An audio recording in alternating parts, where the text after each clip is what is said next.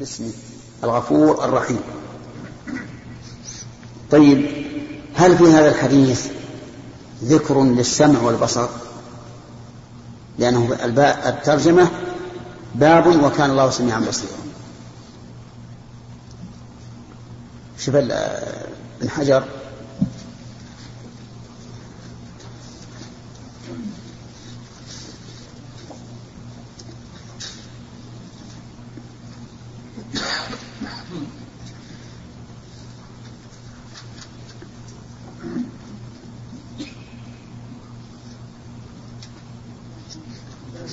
نعم كيف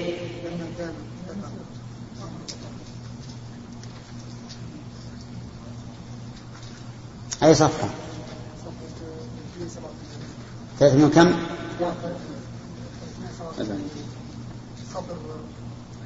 يقول تكلم عنه. نعم. ماذا يقول يا عبد الرحمن؟ يقول وأشار ابن بطال إلى أن مناسبته للترجمة. قبل قبل هذا ذكر الحديث يقول وقد وقد تقدم في في أواخر صفة الصلاة. نعم. وفي الدعوات مع شرحه وبيان وبيان من جم من جعله من رواية عبد الله بن عمرو عن أبي بكر فجعله من مسند أبي بكر. وأشار أبو بطال إلى أن مناسبته للترجمة أن دعاء أبي بكر لما علمه النبي صلى الله عليه وسلم يقتضي أن الله سميع لدعائه ومجازيه عليه. وقال غيره حديث أبي بكر ليس مطابقا للترجمة إذ ليس فيه ذكر صفتي السمع والبصر لكنه ذكر لكنه ذكر لازمهما من جهة من جهة أن فائدة الدعاء إجابة, إجابة الداعي لمطلوبه فلولا أن سمعه سبحانه يتعلق بالسر كما يتعلق بالجهر لما حصلت فائدة الدعاء أو كان يقيده بمن, يجهر بدعائه انتهى من كلام ابن المنير ملخصا. وقال الكرماني لما كان بعض الذنوب مما يسمع وبعضها مما يبصر لم تقع مغفرته إلا بعد الإسماع والإبصار. تنبيه المشهور في الروايات ظلما كثيرا. بالمثلثة ووقع هنا لقابسي بالموحدة. انتهى. خلاص؟ على كل حال هذه المناسبات اللي ذكروها واللوازم فيها نظر لأن لو أخذنا باللوازم لوجدنا أسماء كثيرة أسماء كثيرة تدخل في ضمن الترجمة. ولكن الذي يظهر والله أعلم أن البخاري رحمه الله جعله في آه، هذا الباب في هذه الترجمة وكان الله سميعا بصيرا لأنه تضمن المغفرة والرحمة. ولكن حتى لو لو قلنا بهذا ما ما ما أستطيع أن أقول إن هناك مناسبة بينة. وأما كونه من لازم إجابة الدعاء أن يكون قد سمع وأبصر فهذا ما ما يكفي في المناسبة. فالله أعلم.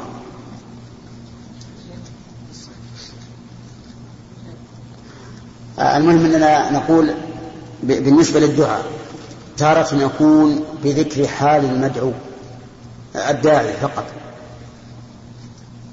مثل قول موسى ربي. لما توجه تلقاء مدين لما آه قال ربي فسقى لهما ثم تولى إلى الظل فقال ربي إني لما أنزلت إلي من خير فقير. هذا ذكر حاله. وتارة يكون بالدعاء المباشر بأن يقول الإنسان رب اغفر لي وارحمني. كما في الجلسة بين السجدتين وتارة نكون بالثناء على الله المجرد. كقول النبي عليه الصلاة والسلام خير الدعاء دعاء يوم عرفة وخير ما قلت أنا والنبيون من قبل لا إله إلا الله إلى آخر. وتارة يكون بالجمع بينهما بين اثنين أو بين الثلاثة وهذا الحديث تضمن الجمع بين بين الثلاثة. نعم. إيش؟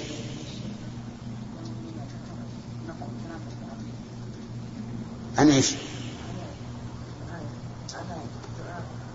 المناسبة الحديث الترجمة؟ عطها عبد الرحمن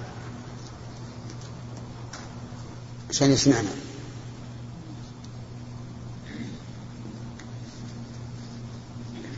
يقول والمقصود من الحديث في هذا الباب أن المدعو لا بد أن يكون سميعا يسمع دعوة الداعي إذا دعاه بصيرا بحاله فيوصل إليه ما طلب بقدرته.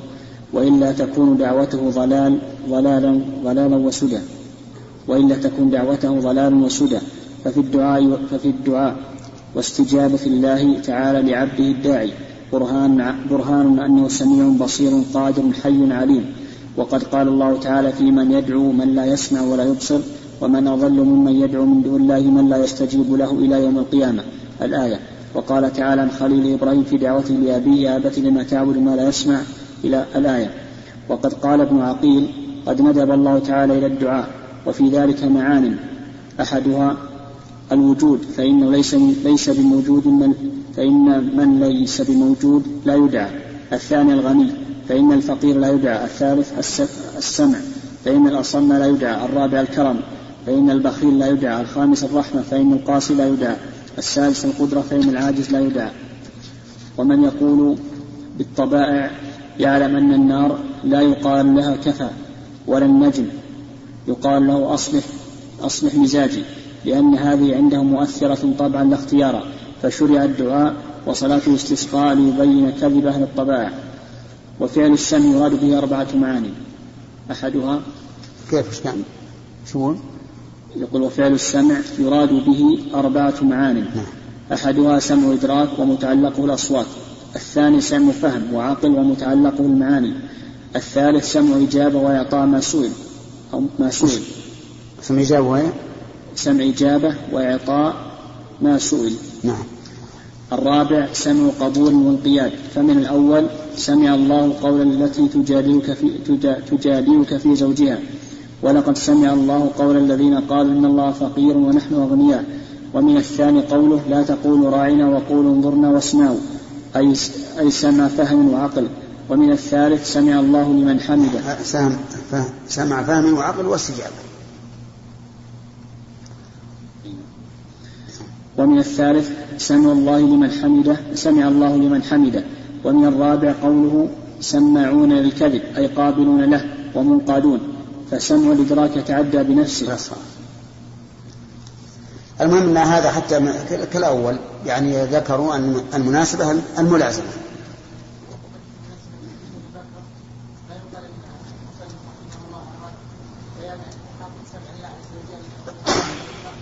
ليش؟ نعم وهنا قد دعاء قد يوليه في صلاته وقد يكون يمكن لكن كله بطريق اللزوم. يعني إذا أخذنا بطريق اللزوم نجد أبواب كثيرة تنفتح لنا. هو على هذه أنت خالد. طيب. أس... تعلق الله سبحانه وتعالى كلها في صفات الذات. العالم؟ من صفات الذات لكن رؤية رؤية العناية من صفات الأفعال.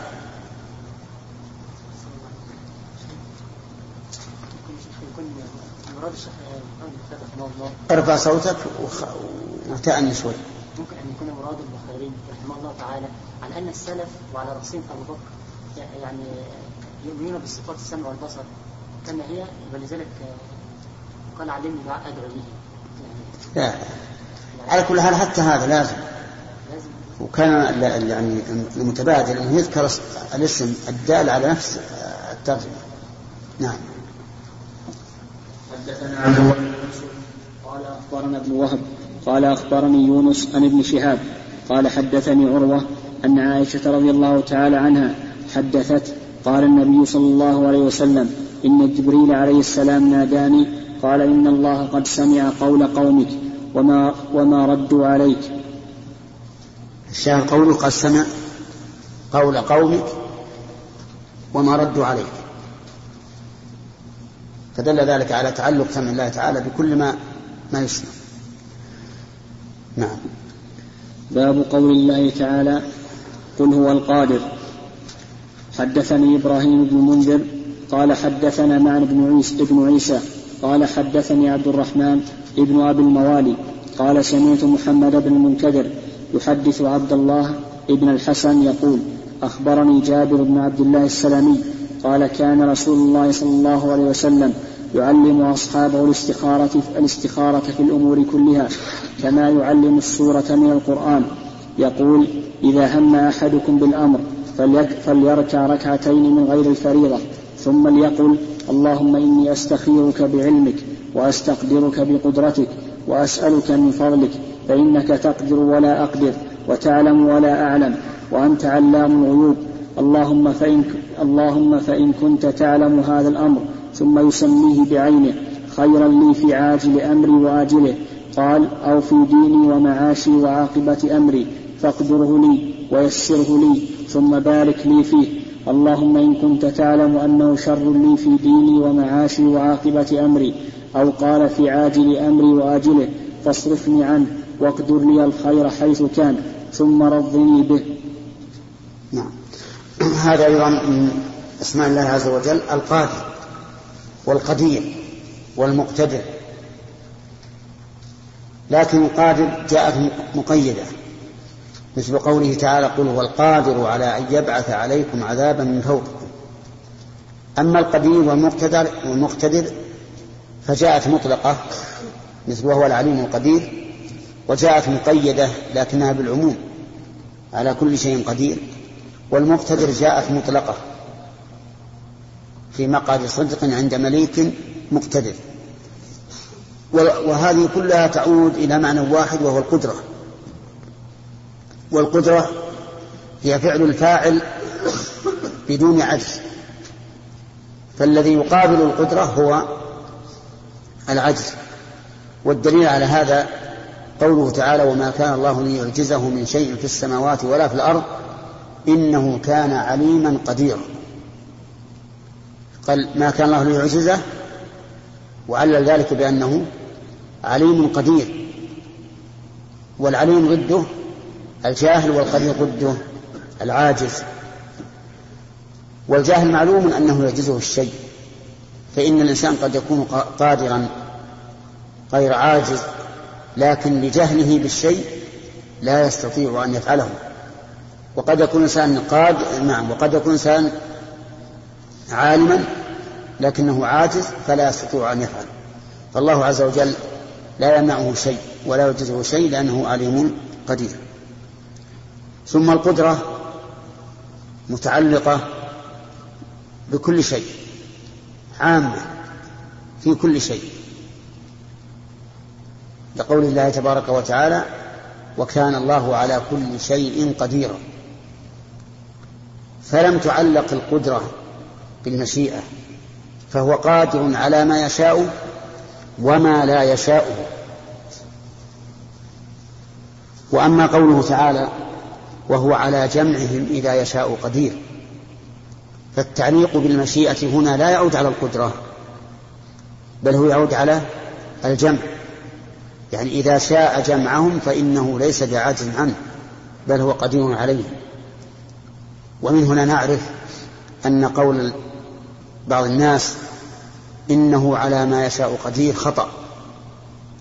لأنهم إذا قالوا إنه على ما يشاء قدير. فخصصوا القدرة بما يشاء. لزم من ذلك أن يكون غير قادر على الذي لا يشاؤه.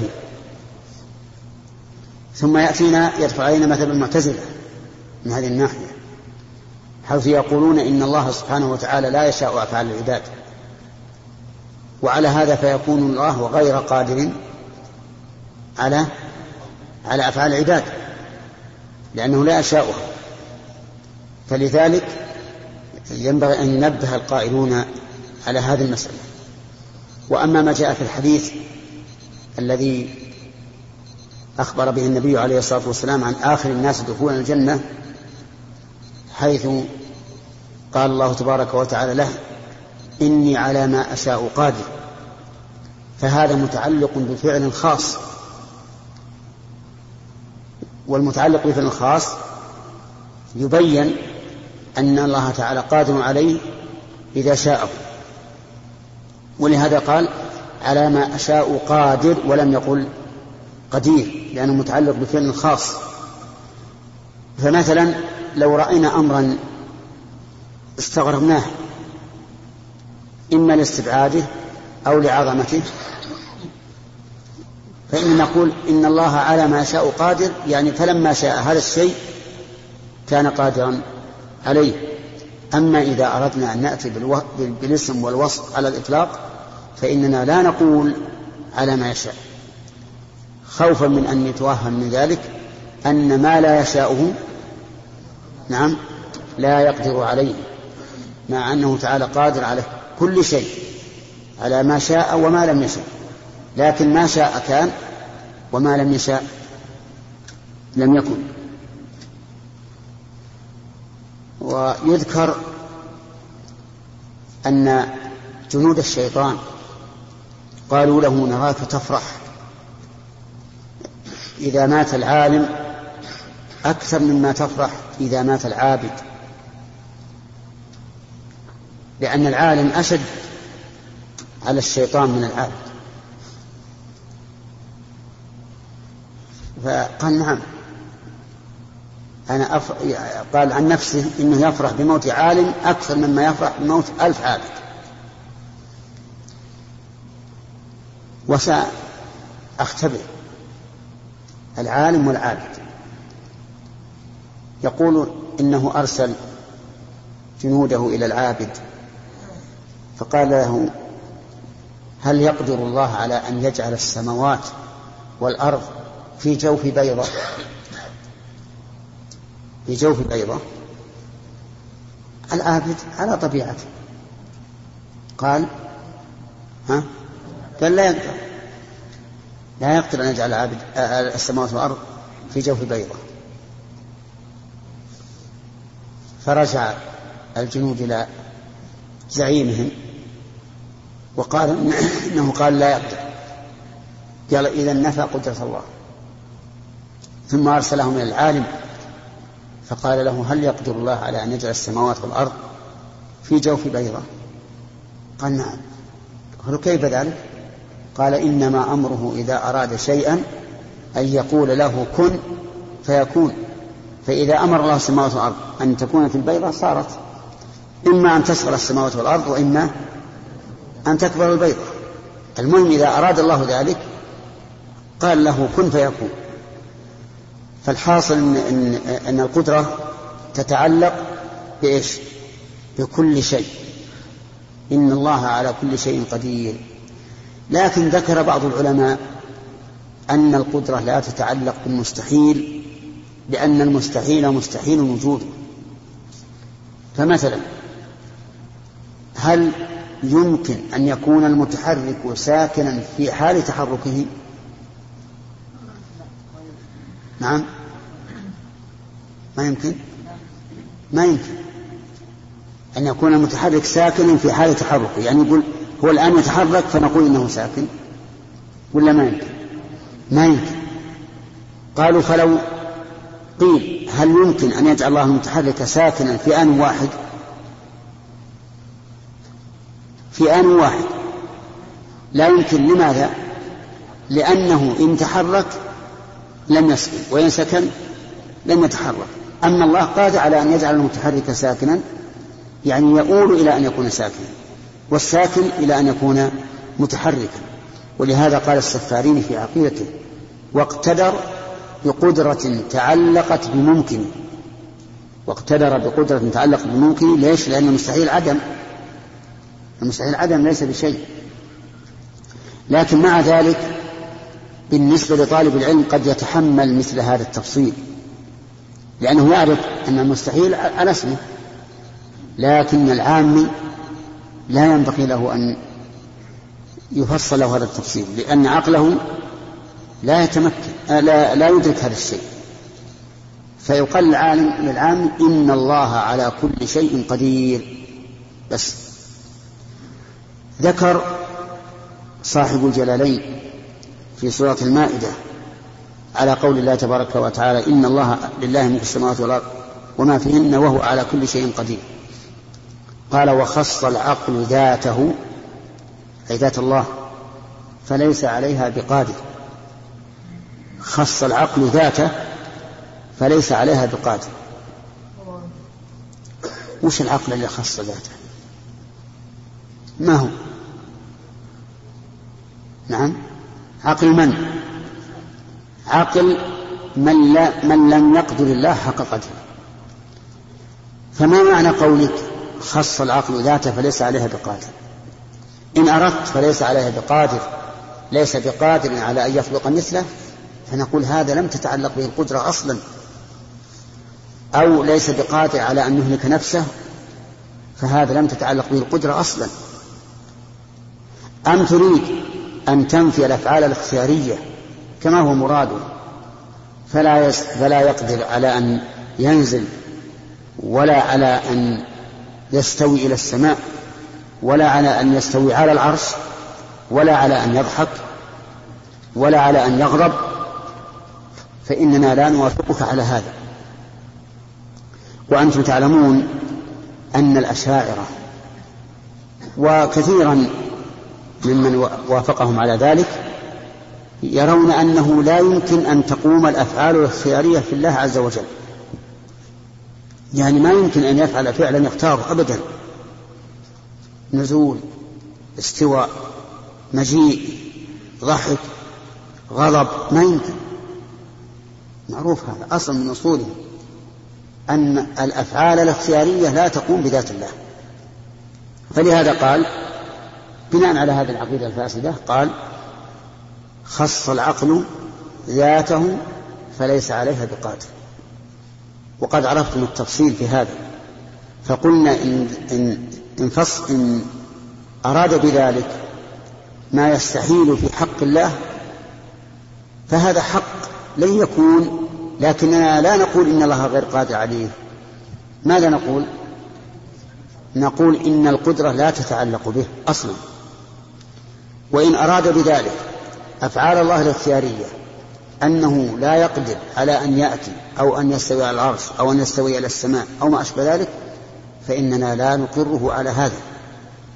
بل نقول إن الله قال في كتابه ويفعل الله ما يشاء وقال فعال لما يريد وقال إن ربك فعال لما يريد.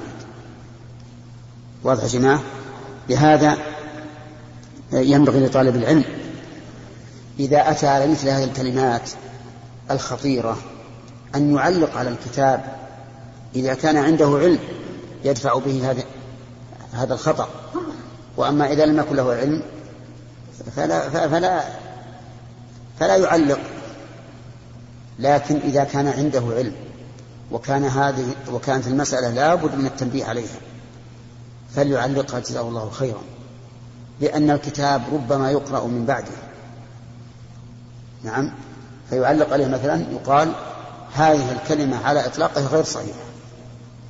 ويفصل هذا التفصيل الذي ذكرنا. وخلاصة الكلام الآن. أن من أسماء الله تعالى القدير والمقتدر والقادر لكنها معلق مقيدة فتكون من أوصاف الفعل. ثم إن القدرة نقول إنها لا تعلق بالمشيئة. فلا يقال إن الله على ما يشاء قدير بل يقال إن الله على كل شيء قدير كما قال تعالى عن نفسه. والقدرة هي الفعل بلا بلا عجز نعم. قال كان رسول الله صلى الله عليه وسلم يعلم أصحابه الاستخارة في الأمور كلها كما يعلم السورة من القرآن. يقول إذا هم أحدكم بالأمر فليركع ركعتين من غير الفريضة ثم ليقل اللهم إني أستخيرك بعلمك وأستقدرك بقدرتك وأسألك من فضلك فإنك تقدر ولا أقدر وتعلم ولا أعلم وأنت علام الغيوب. اللهم فإن كنت تعلم هذا الأمر ثم يسميه بعينه خيرا لي في عاجل أمري وآجله. قال أو في ديني ومعاشي وعاقبة أمري فاقدره لي ويسره لي ثم بارك لي فيه. اللهم إن كنت تعلم أنه شر لي في ديني ومعاشي وعاقبة أمري أو قال في عاجل أمري وآجله فاصرفني عنه واقدر لي الخير حيث كان ثم رضني به. بسم الله الرحمن الرحيم. سبق الكلام على اسم الله عز وجل القدير وبيان ما يدل عليه من القدرة.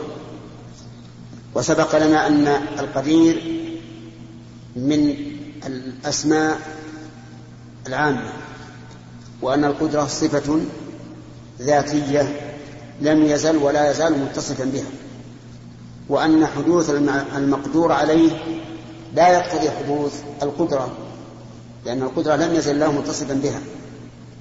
كما أن حدوث المعلوم لا يلزم منه حدوث إيش؟ العلم وحدوث المسموع لا يلزم منه حدوث السمع فالسمع لم يزل الله ولا يزال سميعا لم يزل الله ولا يزال عالما لكن الذي يحدث هو إيش؟ المسموع أو المعلوم أو المقدور عليه بخلاف الصفات الفعلية فإن الصفة نفسها تحدث النزول إلى السماء الدنيا حين يبقى ثلث الليل الآخر هذا فعل متى حدث؟ متى حدث؟ بعد لما مضى ثلث الليل. لما بقي الثلث حدث النزول. ثم بعد ذلك إذا طلع الفجر انتهى النزول. خلق السماوات والأرض في ستة أيام ثم استوى على العرش. متى حدث الاستواء؟ بعد خلق السماوات والأرض. طيب ولما جاء موسى لميقاتنا وكلمه ربه متى حدث الكلام؟ بعد مجيء موسى. فالصفات الفعلية تتجدد أفرادها وآحادها أما أصلها فهو قديم لم يزل ولا يزل الله تعالى فعالا. لكن آحاد هذه الأفعال هي التي تحدث. ولو قلنا بأنه لا يمكن أن يحدث من الله فعل لازم أن يكون معطلا عن الأفعال وهذا نقص عظيم. أما الصفات الذاتية فإنها لا تحدث. لم يزل ولا يزال متصفا بها. مثل العلم والقدرة والسمع والبصر لكن الذي يحدث هو المخلوق المعلوم المسموع المبصر المقدور عليه وما أشبه ذلك. وهذا لا يعني أن القدرة تجدد أو العلم أو السمع والبصر. فإن قال قائل ما تقول في قوله تعالى ولنبلونكم حتى نعلم المجاهدين منكم والصابرين حتى نعلم. نعم.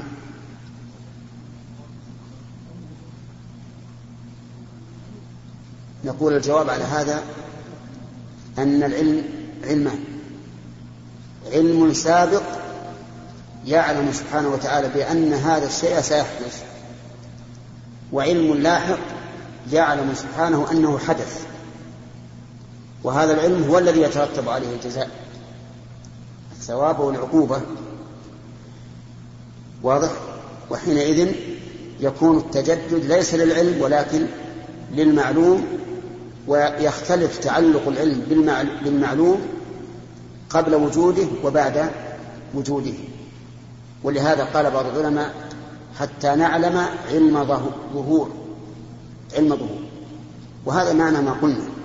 وبعضهم قال حتى نعلم علما يترتب عليه الثواب والعقاب وهذا أيضا معنى ما قلنا. رحمك الله. ثم ذكر حديث جابر بن عبد الله رضي الله عنه وفي سنده نكتة يعني قد تكون نادرة الوجود وهي تحديث الإنسان بحديث يحدث به غيره. يعني لا يوجه إلقاء الحديث عليه إليه يوجه إلى غيره فيحدث به هو. وذلك في قوله سمعت محمد بن المنكدر يحدث عبد الله بن الحسن يقول أخبرني جابر. يحدث عبد الله بن الحسن يقول نعم أخبرني جابر. محمد بن المنكدر يحدث من؟ عبد الله بن الحسن. وابن أبي الموالي نقله عن محمد بن المنكدر مع أنه يلقي الحديث إلى من؟ إلى عبد الله بن الحسن. وهذا نادر لأن الغالب أن الراوي يروي الحديث عمن ألقاه إليه. ولكن لا حرج أن الإنسان إذا سمع شخصا يحدث آخر أن ينقله عنه وإن لم يوجه الخطاب إليه خصوصا في الأمور الشرعية. الشاهد من هذا الحديث قوله أستقدرك بقدرتك. والبخاري رحمه الله عنده فهم عميق. أتى بحديث الاستخارة ليبين أن أسماء الله عز وجل متضمنة لما لما تدل عليه من المعاني والصفات. لأن الباب باب القادر. باب هو القادر على أن يبحث قادر اسم فاعل. وحديث الاستخارة فيه قدرتك ليبين أن أسماء الله متضمنة لإيش؟ للصفات. ليست أسماء جامدة لا تحمل معنى بل هي أسماء مشتقة تحمل المعنى الذي اشتقت منه وهي القدرة. وقول الاستخارة يعلم أصحابه الاستخارة يعني طلب خير الأمرين. استخرت طلبت منه خير الأمرين. وقوله في الأمور كلها هذا عام يراد به الخاص والمراد به الأمور التي يشكل على الإنسان وجهها. أما ما لا يشكل فلا حاجة للاستخارة فيه. لأن الإنسان عازم فلا يحتاج أن يستخير ولهذا لو أراد الإنسان يسافر لزيارة قريب أو, أو لتجارة أو ما أشبه ذلك وهو عازم فإنه لا حاجة لا حاجة للاستخارة. وإلا لقلنا إن الإنسان يصلي دائما صلاة الاستخارة. لأن الإنسان حارث وهمام دائما في الأمور. لكن المراد بذلك الأمور التي لا يتبين للإنسان وجهها فيتحير وحينئذ لا ملجأ له إلا إلا الله عز وجل. وقولك كما يعلم السورة من القرآن يدل, يدل على الاهتمام بهذه الاستخارة. كما علمهم التشهد في الصلاة كما يعلمهم السورة من القرآن. وهذه هذا الدعاء والثناء على الله عز وجل جعله الله تعالى بديلا لما كان يصنع في الجاهلية. في الجاهلية يستقسمون بالأزلام. يستقسمون بالأزلام يعني يطلبون ما يقسم لهم بواسطة الأزلام وهي أقداح تجعل في كيس أو ما أشبه ذلك مكتوبا على واحد منها افعل. وعلى الثاني لا تفعل والثالث ما في كتاب ثم يعملون فيها عملا ثم يخرج الإنسان واحدا منها. إن خرج يفعل فعل. لا تفعل لم يفعل. خرج ال ال الذي ليس فيه شيء يكون متوقف ثم إما أن يعيد الاستقسام مرة أخرى أو يدع الأمر. يدع الأمر مع الشك لكن أبدل الله تعالى الناس بهذا الدعاء. اللهم قال فليركع ركعتين من غير الفريضة. وقوله من غير الفريضة يعني النافلة. وهل يكفي عن هاتين الركعتين الراتبة مثلا أو سنة الضحى؟ يحتمل أن تكون مجزئة لقوله من غير الفريضة. ويحتمل أنه لا بد من صلاة مستقلة وهو الأحوط. أن يصلي صلاة مستقلة ثم ليقل. وظاهر الحديث أن هذا الدعاء يكون بعد السلام لأنه لا يصدق عليه أنه صلى ركعتين حتى يفرغ منهما. يقول اللهم إني أستخيرك بعلمك يعني أطلب خير الأمرين حسب ما تعلمه وأستقدرك بقدرتك أطلب منك القدرة بقدرتك فهو توسل بالقدرة على أن يقدر على الأمر. وأسألك من فضلك. لأن الإنسان قد يقدر على الشيء ويحصل له الشيء لكن لا يناله من الله فضل به ولا بركة فيسأل الله من فضله. فإنك تقدر ولا أقدر وتقدر ولا أقدر وتعلم ولا أعلم. وأنت علام الغيوب. في هذه الجملة لف ونشر. مرتب ولا غير مرتب؟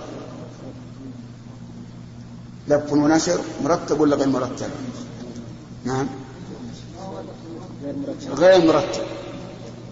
لأنه قدم العلم في الجملة الأولى على القدرة وفي الجملة الثانية قدم القدرة على العلم. ولو كان اللف والنشر مرتبا لبدأ بالعلم قبل القدرة. طيب. قال وأس نعم وأستقدرك بقدرتك فإنك تعلم ولا أعلم فإنك تقدر.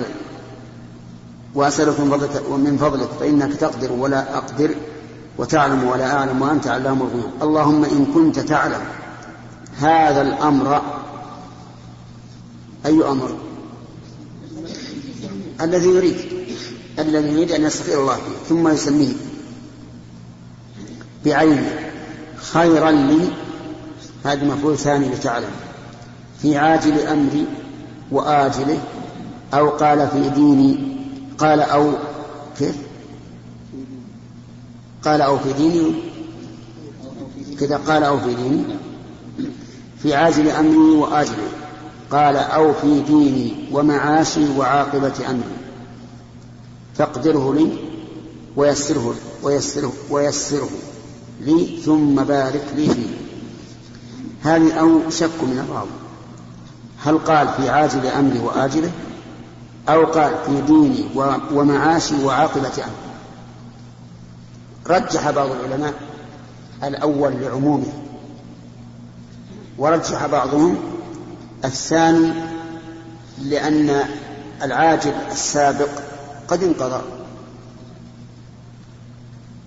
ولكن ليس هذا الوجه الأخير بمرجح لأن المراد بعاجل أمري ليس الذي قد انقضى بلا شك.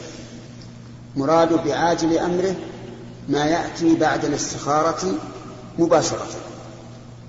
ولو قال قائل لو أن الإنسان جمع بين هذه هذه الجمل في عاجل أمري وآجله وديني, وديني ومعاشي وعاقبة أمري لو قال قائل إنه يجمع بينها فلا حرج لأن الدعاء ينبغي فيه البصر أو نقول إن شك الراوي يقتضي أن الذي ثبت عن الرسول صلى الله عليه وسلم واحد من الأمرين.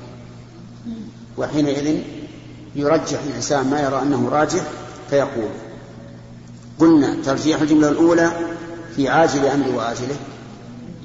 للعموم لأن كلمة أمري يعني شأن وهو عام لكونه مضافا مفردا مضافا. الثاني فيها شيء من التفصيل ديني ومعاشي وعاقبة أمري. فيها شيء من التفصيل والتخصيص فليس فيها عموم.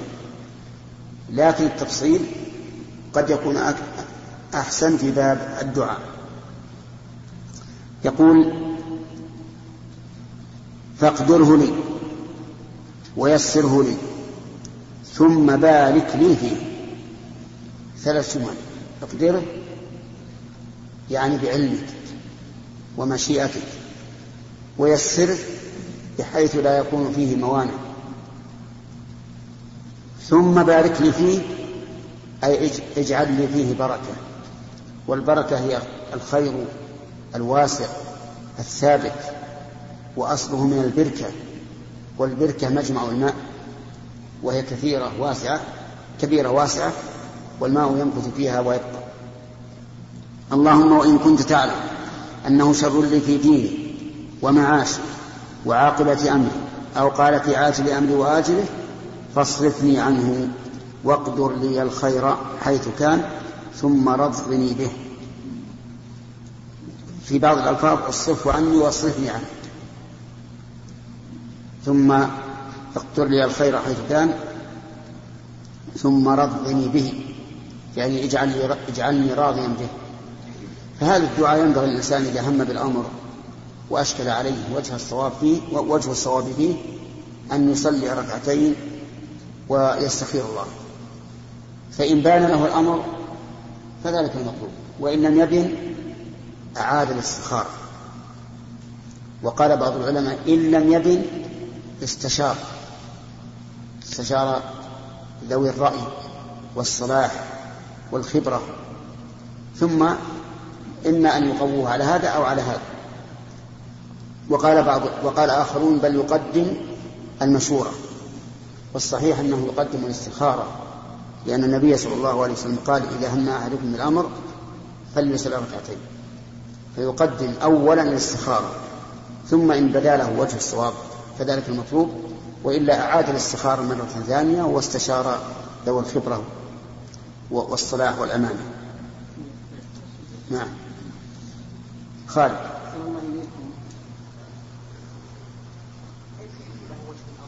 كيف؟ نعم. يبين له وجه الأمر بأمور. أولا اطمئنانه إلى أحد الأمرين. يعني يرى أنه رضي واطمأن. ثانيا أنه ربما يرى في المنام ما يقوي, ما يقوي أحد الاحتمالين. ثالثا أنه ربما يسمع كلاما يتفاءل به على أحد الأمرين. رابعا أنه يتيسر له. الوصول إلى أحد الأمرين ويتعسر الأمر الثاني.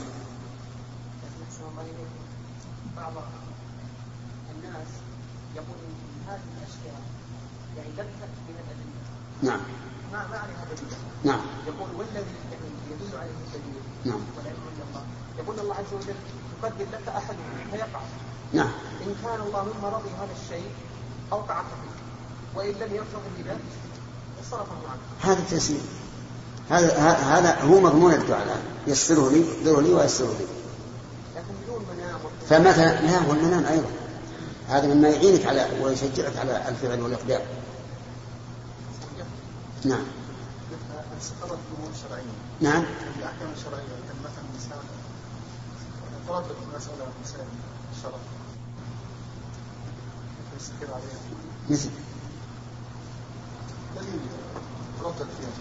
الواجب على ما هم ما هم مستخيرين فيه؟ لا يستخير الله فيه إلا إذا أشكل عليه. هل يقدم هذا أو هذا؟ يعني مثلا لو أراد ان يسافر للحج مع وجوبها عليه لا حاجة إلى أن يستخير لا بد أن يفعل. لو أراد ان يستخير هل يصلي الظهر مثلا؟ ها؟ إيش؟ وجوب مثلا مسألة معينة بالنص نعم. يترك يعني واجب أو غير واجب. يعني شك في الحكم في الحكم الشرعي. هذا لا يشك لا يستخير فيه. هذا يطالب الكتاب والسنة. الذي يحصل بهما العلم. إن تنازعتم في شيء فردوه إلى الله والرسول. آدم. كيف؟ إيش؟ ها؟ أي؟ نعم.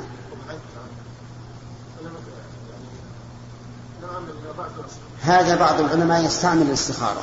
يقول هذا مما أستخير الله فيه. فيحتمل قول بعض العلماء هذه العبارة أنه فعلا يستخير الله. أو المعنى أنه مما يتوقف فيه حتى يتبين له وجه الصواب. في احتمال. ثلاثة. نعم.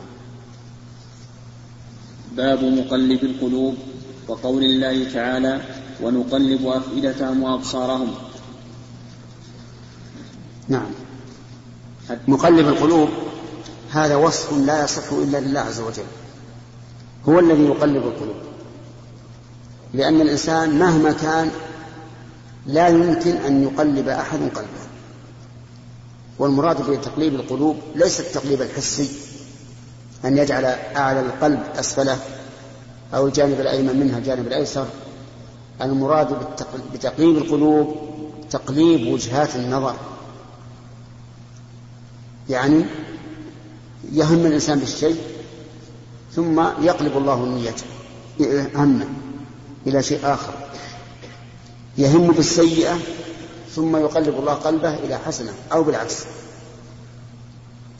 ويذكر أن أعرابيا قيل له بما عرفت ربك؟ قال بصرف الهمم بصرف الهمم. يعني أن الله هو الذي يصرف الهمم. دائما الإنسان يهم بالشيء ويجزم به فإذا به تنصرف همته إلى شيء آخر بدون سبب ظاهر. من الذي صرف ذلك؟ هو الله عز وجل. فلذلك مقلب القلوب هو الله. أيها الإخوة في ختام هذه المادة نسأل الله أن نلقاكم في لقاءات متجددة. مع تحيات مؤسسة الاستقامة الإسلامية للإنسان.